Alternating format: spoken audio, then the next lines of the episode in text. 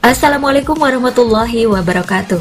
Sahabat, Anda saat ini sedang mendengarkan podcast Narasi Pos Media bersama saya di sini, Maya Rohmah, dalam rubrik motivasi berjudul Antara Prestise dan Mempertahankan Hidup oleh Dewi Kusuma, kontributor narasipos.com.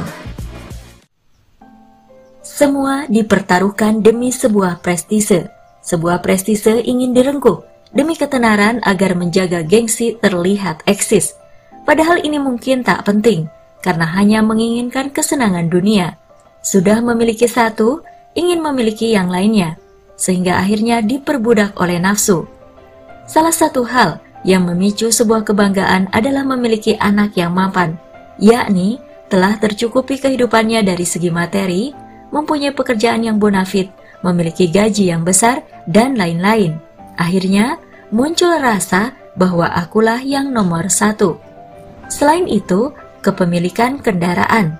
Memang kendaraan adalah salah satu hal yang penting, karena bisa bermanfaat untuk kelancaran usaha maupun untuk mempermudah transportasi. Namun, nafsu untuk memiliki kendaraan demi sebuah prestasi ini yang akan membahayakan. Ingin memiliki banyak mobil demi sebuah gengsi, sehingga garasi mobil penuh dengan koleksi semua demi sebuah prestise. Sikap seperti inilah yang akan membuat diri terperdaya dengan urusan dunia. Orang seperti ini merasa gengsinya akan jatuh kala sederet mobil mewah tak menghiasi garasinya. Bahkan mungkin merasa harga diri akan jatuh jika tak memiliki barang-barang branded. Penampilan yang serba nomor wahid selalu ingin dikedepankan, padahal Hal ini hanya menjadikan hal yang sia-sia belaka. Sementara masih banyak orang yang serba kekurangan. Mereka harus banting tulang demi mendapatkan sesuap nasi. Mesti kerja keras telah diupayakan, namun kebutuhan hidup tetap tidak mencukupi. Meski mereka telah memeras keringat hingga tak kenal waktu, namun tetap tidak bisa mencukupi kebutuhan hidup keluarganya. Mereka tak mendapatkan apa-apa untuk dibawa pulang Padahal keluarganya sangat berharap akan ada hasil untuk bisa makan dan minum. Betapa berat beban hidup yang mesti dijalani. Miris, dua keadaan yang sangat bertolak belakang. Di satu sisi, berupaya demi kemewahan sebuah prestise, di sisi lain, pontang-panting demi mempertahankan kehidupan. Hal ini sering terjadi di era kapitalisme dan sekularisme, gemerlapnya dunia dan gelapnya dunia, dua keadaan yang sangat kontras dan jauh berbeda. Lantas, apa sih yang diinginkan dari sebuah prestise? Ingin eksis, ingin terkenal, ingin terlihat paling wow, ingin jaga gengsi, atau apa? Semua itu tentu lebih didominasi pada kesenangan dunia, yakni demi mendapatkan glamornya dunia. Seolah tiada hari tanpa memperlihatkan dan mengagungkan sebuah prestise. Ya, Mungkin ini membuatnya bangga, membuat pamor jadi naik, nama pun menjadi kondang dan terkenal, tanpa pikir panjang yang penting memuaskan nafsu. Hidupnya berlimpah kemewahan dan kebahagiaan. Parahnya lagi, bila bersedekah pun ingin diekspos publik. Semua dilakukan demi sebuah prestise. Namanya menjadi terkenal dan tersebar luas. Dalam benaknya, tak sedikit pun ingin kalah dari yang lain Inilah kenyataan hidup di era sekularisme, menjalani kehidupan tanpa menyertakan agama dalam mengatur langkah hidupnya, sehingga timbul sifat egoisme dan tidak peduli dengan yang lemah. Sementara di sisi lain, banyak orang berjuang demi kelangsungan hidup.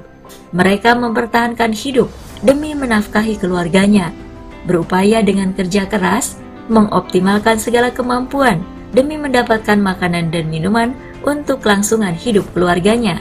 Ya, itulah kontradiksi isi kehidupan dunia.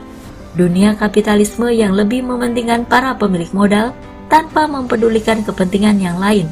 Kesenjangan ekonomi yang terlihat jelas, yang kaya makin kaya dan yang miskin makin terpuruk. Tak ingatkah bahwa pada harta si kaya terdapat hak si miskin? Allah Subhanahu wa Ta'ala berfirman, dan berikanlah haknya kepada kerabat dekat, juga kepada orang miskin dan orang yang dalam perjalanan, dan janganlah kamu menghambur-hamburkan hartamu secara boros. Quran Surat Al-Isra ayat 26 Pada masa kehilafahan Umar bin Abdul Aziz, kesejahteraan umat terjamin dengan baik, sehingga tidak ada seorang pun yang kekurangan.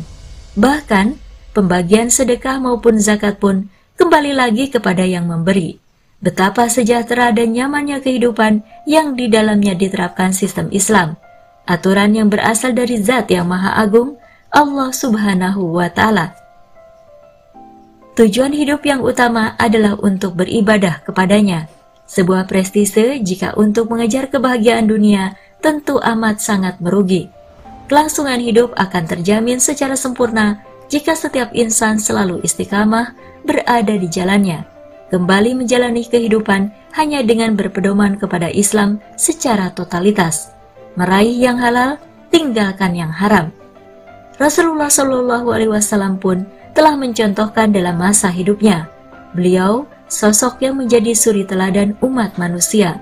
Rasulullah selain sebagai imam dalam sholat, juga pemimpin dalam sebuah negara, di mana di masa hijrah beliau dari Makkah ke Madinah langsung menerapkan Islam secara sempurna, mengatur umatnya dengan aturan Islam, aturan yang berasal dari Allah Subhanahu wa taala. Wallahu a'lam bissawab.